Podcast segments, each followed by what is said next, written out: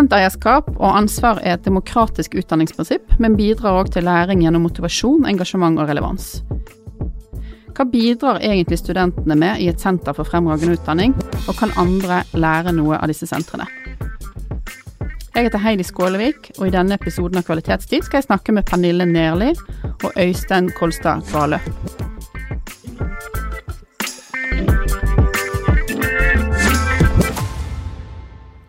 I stortingsmelding for kvalitetsutvikling blir studentmedvirkning lagt frem som en viktig del av kvalitetsarbeidet.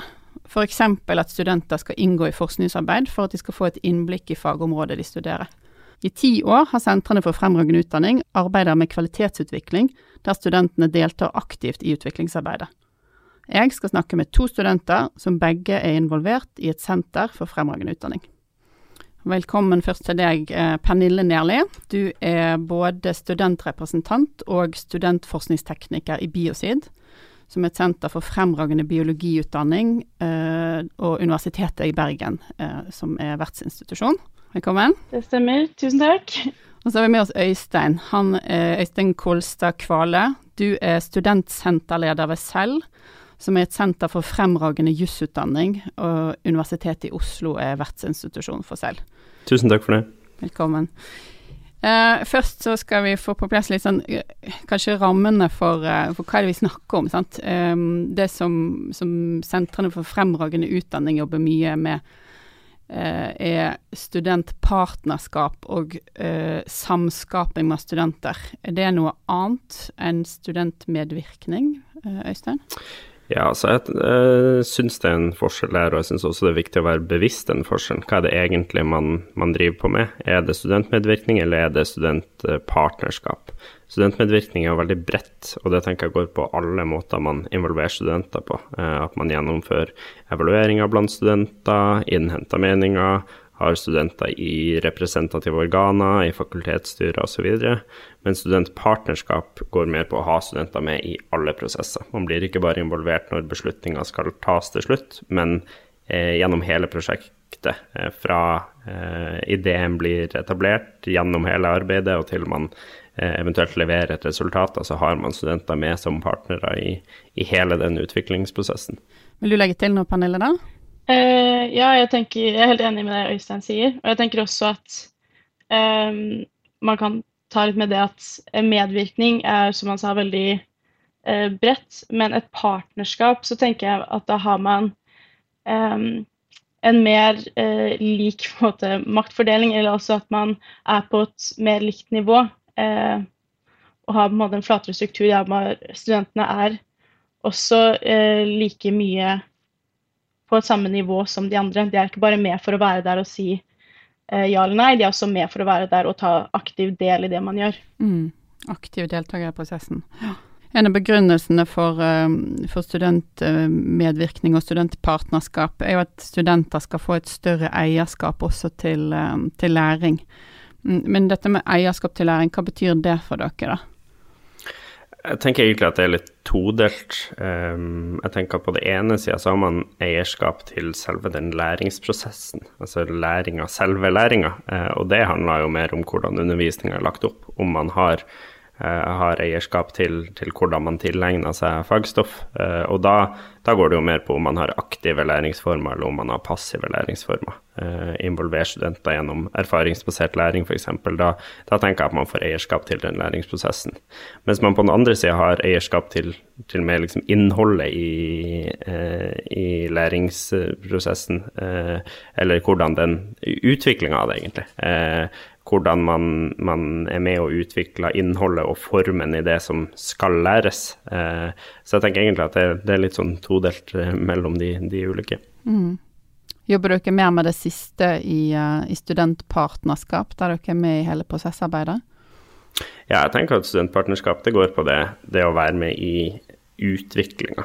Eh, hvordan skal vi legge opp de læringsprosessene? Ja, kjempefint. Um, jeg har lyst til å høre hvordan dere jobber med, med studentpartnerskap i, i uh, Sentre for fremragende utdanning. Uh, og som jeg sa i stad, så er jo uh, altså et senter for fremragende utdanning skal ha samskaping med studentene. Så kanskje du, Pernille, kan begynne å fortelle litt om hvordan dere tilrettelegger for dette i Biosid? Eh, ja, altså i Biosid så jobber vi med eh, studentpartnerskap og medvirkning i, eh, forskjellige, ja, på forskjellige måter. Eh, vi har eh, med oss studenter i styringsgruppa. Eh, vi har også studenter med som ansatte, som studentforskningsteknikere. og så prøver vi også å involvere studenter gjennom andre typer ting, som f.eks. i ulike prosjekter der vi har workshoper, der vi prøver å få med større andel av studentene, da. Eh, har vært et senter for fremragende utdanning siden 2014. Vet du litt om, om hvordan denne utviklingen eh, har vært fra etablering og frem til i dag? Ja, eh, Noe av den største utviklingen har faktisk kanskje vært på det som har med studenter å gjøre, altså hvordan studenter har vært involvert. Eh, da vi starta opp, så var studentene i større grad eh, representanter Eh, også de var med, og de ble jo lyttet til og eh, involvert, men de utførte ikke i like stor grad så mye. Um, og så uh, var det egentlig et lite skifte uh, etter uh, Biosid hadde prøvd å få til et prosjekt som heter Biorakel, som er et læringsområde eller et møtested for studenter der de kan sitte og arbeide med skole og få hjelp av eldre studenter og få litt mat og den type ting, også for å bygge et bedre læringsmiljø. Og dette hadde Biosid prøvd å få til eh, en god stund, eh, men eh, stoppa veldig opp på organiseringen, og det gikk på en måte ikke helt. Eh, helt til studentrepresentantene egentlig tok ansvar for dette her selv, og fikk til dette her prosjektet, og som har fungert kjempebra helt fram til i dag, og vi fortsatt driver med. Og det var på en måte litt skifte der de skjønte at vi kan faktisk gi studentene mer mer kontroll, og de eh, altså Da fikk vi på en måte det skiftet, der at studentene gikk mer fra å være påvirkere til å faktisk være også utviklere, da. Mm. En større del av den prosessen. Mm. Er gøy å høre hvordan det skiftet eh, kom på plass, altså at man får mer fokus på, høres ut som studentpartnerskap og en større rolle i, i, i prosessen. Um, kunne du fortalt oss litt også mer sånn konkret om prosjekter i Biosid nå, og hvordan, dere, eh, hvordan du er involvert i de prosjektene? Uh, ja, vi har jo mange ulike prosjekter. Uh, men et uh, prosjekt som jeg kanskje er mest involvert i, er Redesign-prosjektet. og det er altså et prosjekt der vi jobber med å redesigne hele biologibacheloren. og dette her var noe som kom som en reaksjon på det at vi har jobbet i Biosid med uh, studentaktiv læring og studentutvikling over lang tid nå. Uh, og det var på en måte på tide å fornye disse læringsutbyttebeskrivelsene for bacheloren. Uh, og så hadde da UB Læringslab pilot, et pilotprosjekt der de ønsket at noen skulle prøve ut en spesifikk redesignmodell Eh, utviklet ved Texas A&M. Eh, da, eh, da Biosid søkte om å bli en del av det prosjektet, og har da startet da med en redesignprosess som skal vare over eh, tre år av utgangspunktet. Eh, så min rolle der har vært som eh, studentrepresentant da, i prosjektgruppa. og dette er også et av de prosjektene der vi har involvert studenter gjennom workshoper. Vi har hatt to workshoper Eh, den ene var en ganske stor workshop med 20 studenter som ble med eh, over to dager. Der vi jobbet med å se på ulike utfordringer eh, på biologibacheloren som den er i dag. Og identifisere utfordringer, da. Hvordan tar dere det videre når, når utfordringene er identifisert? Altså hvordan påvirker dere den prosessen videre? som vi gjorde da, var at på slutten av workshopen så hadde vi eh, presentasjoner der vi presenterte da, disse utfordringene vi hadde. Um, og noe som gikk på overførbare ferdigheter, eh, det å på en måte få en tydelig rød tråd gjennom studiet. Eh, vi snakket litt om studentmotivasjon eh, og læringsmiljø, bl.a. Eh, og dette ble da filma og tatt med videre på lærersamlingen, som også er en, eh, et arrangement arrangert av Biosid, årlig arrangement. Um, så da tok vi den videoen med opp dit og viste den for lærerne. Og vi hadde også en eh, paneldebatt der fire av de studentene som var med i den workshopen, eh, snakket om det vi hadde snakket om i workshopen, og hadde en diskusjon da, sammen med lærerne. Mm. Har det kommet noen konkrete endringer ut av, av, den prosessen, altså de evnebeskrivelsene? Er, er, er, prosjektet ferdig? Nei, det er ikke ferdig ennå. Eh, så sånn sett så er det ikke noe eh, veldig konkret som har kommet ut av det eh, på den måten. Men dette, all den informasjonen vi henta fra studentene på den workshopen, er noe som vi er et grunnlag for prosessen videre. Og det er på en måte brukt som bakgrunnsinformasjon og noe vi tar med oss gjennom hele prosessen. da. Du sa at, um, at først identifiserer studentene, de, hva de ser som utfordringer, og så blir det tatt opp i, i lærer, eh, lærersamlingen etterpå. Har, um, har, studenter og lærere har de liksom samme oppfatning av hva som er utfordring i studiet? Eh, nei, altså Det var vel noe av det som eh, studentene oppfatta som noe av problemet. At for en student så er det ikke alltid så åpenbart hvordan ulike temaer henger sammen i studieløpet. Eh, og de syns ofte det er litt vanskelig å finne den røde tråden og knytte disse til hverandre.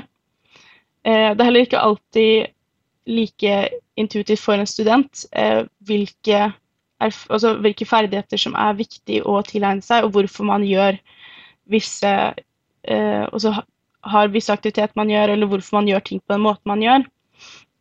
Um, men det tror jeg er noe som ofte er mye klarere for de som foreleser. Og jeg tror det kunne vært et uh, Det å formidle sammenhengen og viktigheten av ulike ferdigheter, og hvorfor det er viktig, som f.eks. Hvorfor, uh, hvorfor visse ferdigheter er noe man bør tilegne seg f.eks. For, for å være mer attraktiv på arbeidsmarkedet, den type ting. Hvis det også blir gjort mer klart for studentene, Eh, så er det lettere å se den sammenhengen, og så mer motiverende eh, å jobbe for dette når man vet hva nytten av det er, og hvorfor det er relevant senere. Mm. Veldig aktuelt sånn på arbeidsrelevans, sånn, som vi jo er veldig opptatt av mm. i høyere utdanning for tiden. Um, har du hørt eller vet du noe om hva uh, type utfordringer lærerne jobber med, eller er det helt studentbasert, dette prosjektet? Eh, det er eh, også eh, snakket om utfordringer for lærere. det, ikke, det, var bl.a. noe de diskuterte litt på lærersamlingen. Da var ikke jeg til stede. Men også læreren også i stor grad involvert. Og vi har f.eks. sett på læringsutbyttebeskrivelser, hvordan vi formulerer de, og de har hatt en runde på det i alle faggruppene på instituttet. Så lærerne er absolutt med i denne prosessen, de òg. Eh, for det er jo det det handler om, at eh, hvis du skal bygge en best mulig biologiutdanning, eh, så må du ha med alle, og du må ha alle disse ulike perspektivene, da. Mm. Tusen takk for det, Pernille. Vi skal høre også litt fra, fra Øystein og, og, hvordan dere jobber i Selv. Selv har jo vært i drift uh, som senter siden høsten 2018, uh, og med status Senter for fremragende utdanning siden våren 2020. Eh, kan du fortelle oss litt om hvordan selv har lagt til rette eller planla for studentpartnerskap? Ja, vi har um, hatt studenter involvert helt fra starten av. Uh, og, og, helt fra før vi søkte status som SFU, så var selv inkludert uh, Nei, så var studenter inkludert i selv sitt arbeid. Um, og det virker egentlig som vi har hatt litt av den, den samme utviklinga som Biosid har hatt, ved at man i starten hadde mer student representant eller noen som kom inn mer i sluttprosessene, eller ikke var liksom like aktivt med i design, men var med i, i beslutninga eh, og kom med innspill etter at det var lagt et grunnlag. Eh, og da hadde man med studenter som frivillige eh, og rekrutterte fra studentforeninger og litt sånt, som, som ga innspill til, til selv og det arbeidet man jobba med, og også Eh, inn til SFU-søknaden, så hadde man den typen involvering. Mens etter hvert, og, og, da vi ble tildelt status som eh, Senter for fremragende utdanning, så uh, fikk vi jo både et behov for flere studenter og, og mer arbeidskapasitet, og fikk jo også uh, mulighet til å ansette flere studenter. Uh, og, ja, og, det vi gjorde da, var å ansette studenter i deltidsstillinger.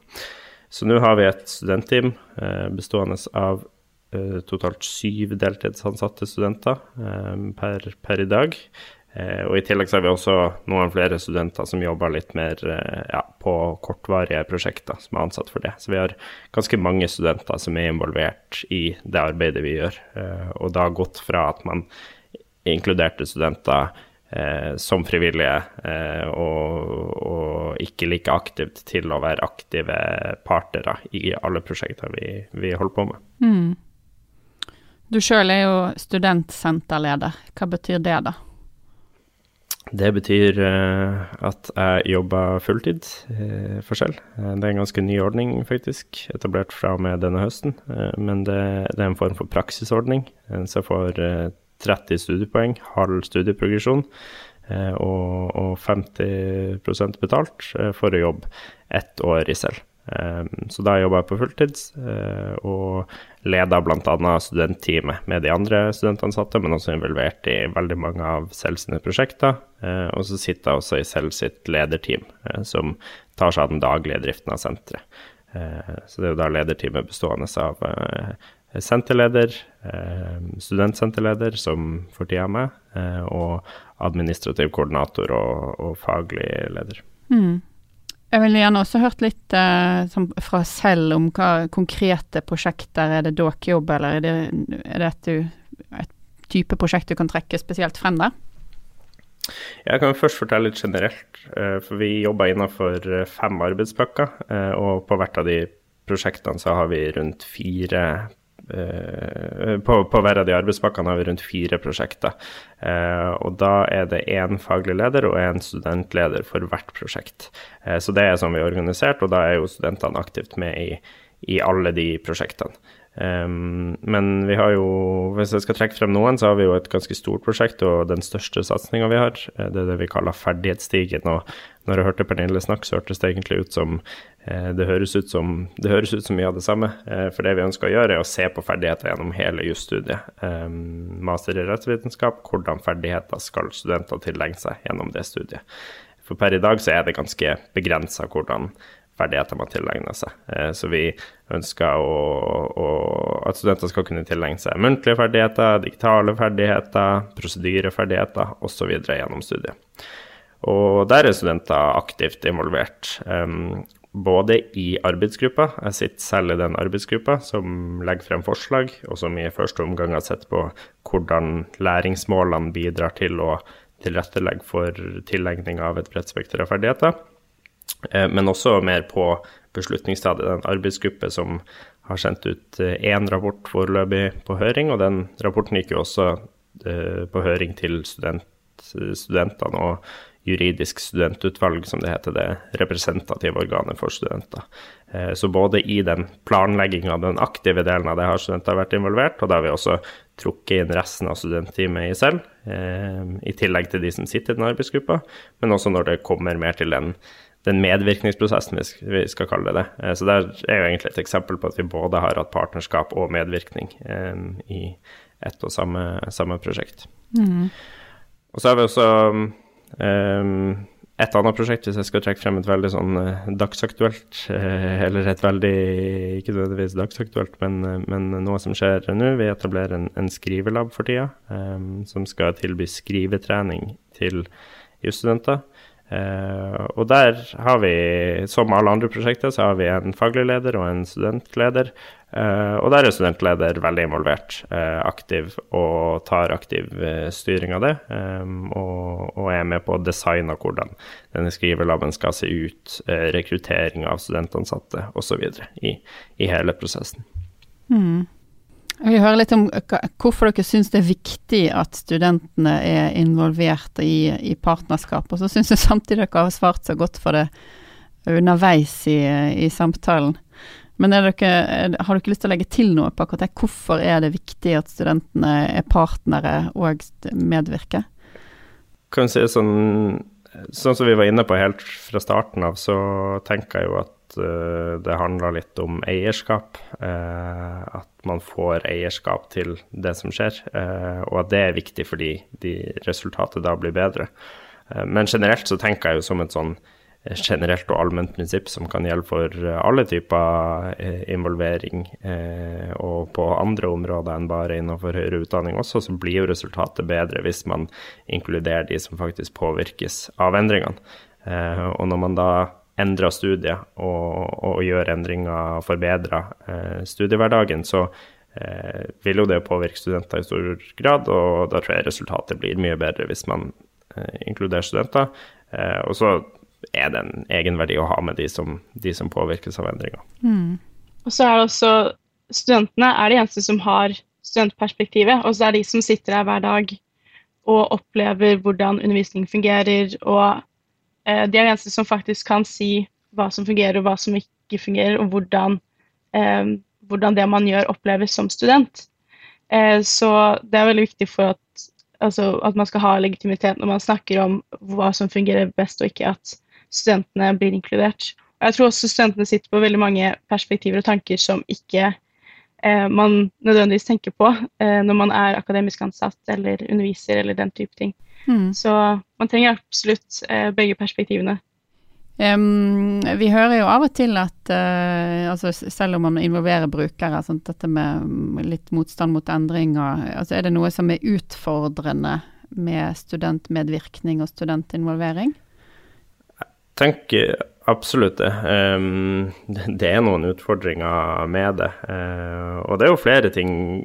For det første at man kanskje ikke ser For studenters perspektiv da, så ser man ikke nødvendigvis uh, resultatet av det som gjøres eh, på, på, et personlig plan. Eh, fordi man, man, snakker om endring av utdanning, og de endringene man legger grunnlaget for i dag, det kommer ikke til å påvirke dagens studenter i, i så veldig stor grad, i alle fall. Eh, det tar, tar, tid før man faktisk eh, før man ser resultatet av de endringene.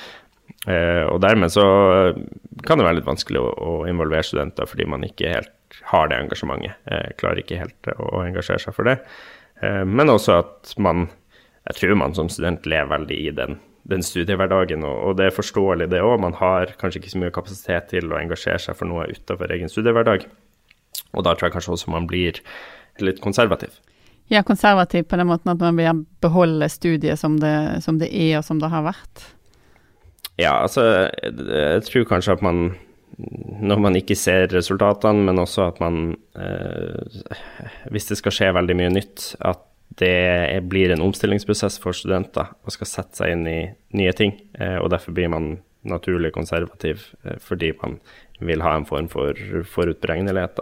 Mm. Eh, men så er det også andre ting knytta til studentinvolvering. Jeg tenker det skjeve maktforhold vil alltid være en utfordring. Det ser jo vi ved studentpartnerskap, selv om man tilstreber at man skal ha likhet og balansert maktforhold mellom de akademisk ansatte og studenter, så vil det alltid være en maktubalanse der, eh, så, som kan være en utfordring hvis man ikke er bevisst. Eh, så det er lite kontinuitet blant studenter. Man byttes ofte ut, mens akademisk ansatte jobber gjerne lenge, lenge på samme sted. Um, representasjon kan være en utfordring. Det er jo noe vi har sett litt på. Når vi ansetter studenter, så er jo ikke det studenter som er valgt for å representere uh, hele studentmassen. De er jo ansatt på bakgrunn av sine kvalifikasjoner, men er også studenter og har sitt perspektiv. Um, og så er det jo disse forutsetningene for å bidra som kan være en utfordring. Uh, at man ikke nødvendigvis har informasjon eller kanskje den gutsen til å, å ta plass. Um, at man, det trenger litt tid å, å bygges opp, uh, og, og, at det kan være en utfordring for å få god, godt studentpartnerskap. Mm. Ja, jeg synes du hadde veldig, veldig mange gode poeng her. Eh, og jeg er også enig med sånn som f.eks. studentrepresentasjon, da, at eh, man kan jo ikke ha med alle. Altså man får jo ikke eh, representert alle. Og det er et typisk problem er jo det at hvordan eh, skal man få representert de studentene som aldri på en måte hever stemmen, eller aldri Også det er det typiske problemet med eh, low hanging fruit, at de du hører fra, de du får input fra, er gjerne de som tør å snakke høyt, og de som tør å engasjere seg. Og så det er på en måte alltid en, denne gruppen, den litt stille gruppen, da, for å eh, kalle det det, eh, som er på en måte vanskelig å representere eller eh, inkludere. Eh, så det er også et, det er et vanskelig problem som er vanskelig å eh, Ja. Eh, vanskelig å finne en god løsning på. Mm.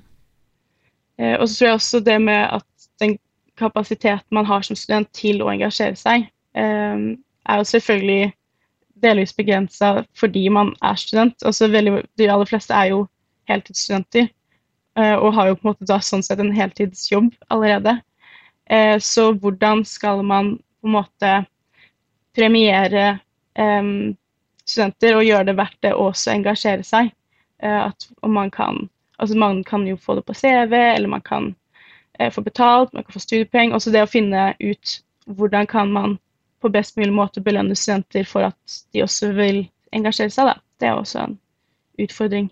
Der er jo uh, sentrene for fremragende utdanning sant, i en litt spesiell posisjon. Du Øystein sa det i stad at, at, at, når selv fikk senterstatus, så fikk man jo også mulighet til å fast ansette en studentsenterleder og gå inn i en fulltidsstilling. Uh, Men det kan jo være krevende for andre fagmiljøer sant, som ønsker studentpartnerskap og studentmedvirkning på et høyt nivå, da, um, som ikke har de midlene. Men, men, tror dere at det går an? Altså, jeg tror absolutt det er muligheter eh, for det de, de fleste steder. Um, det er klart at det er ressurskrevende for selv når vi har ansatt en studentsenterleder og har flere, ja, totalt syv deltidsansatte studenter bare i liksom det, det, prosjekt, de som jobber med prosjekter, så har vi flere i tillegg til det.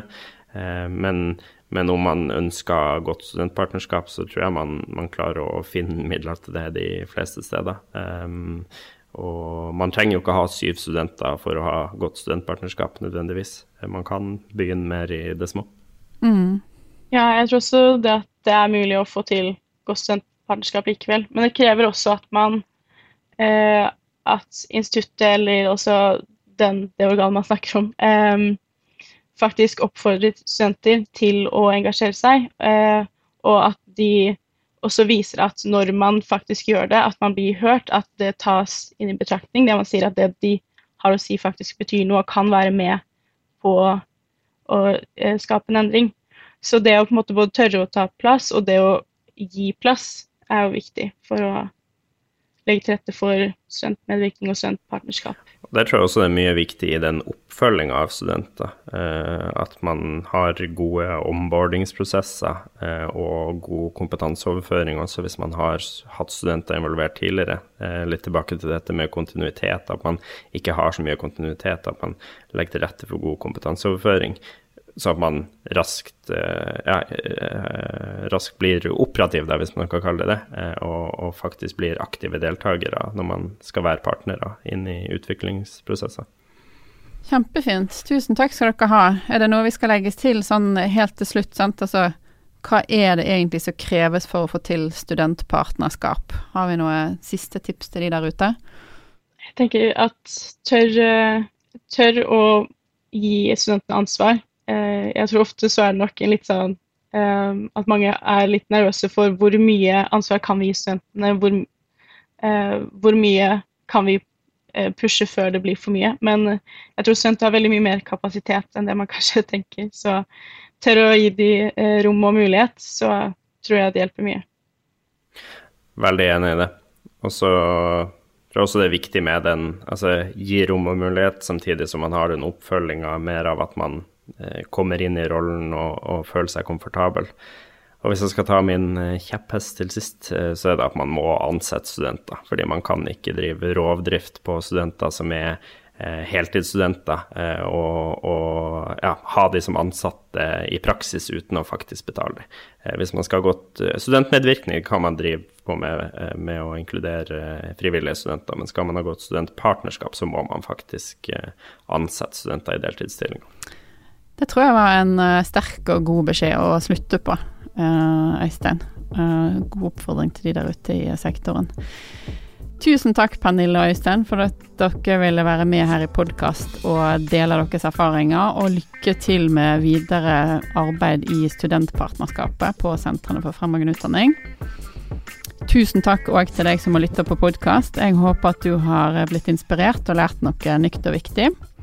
Hvis du har kommentarer eller spørsmål til denne episoden, så må du veldig gjerne ta kontakt med oss på post.hkdir.no.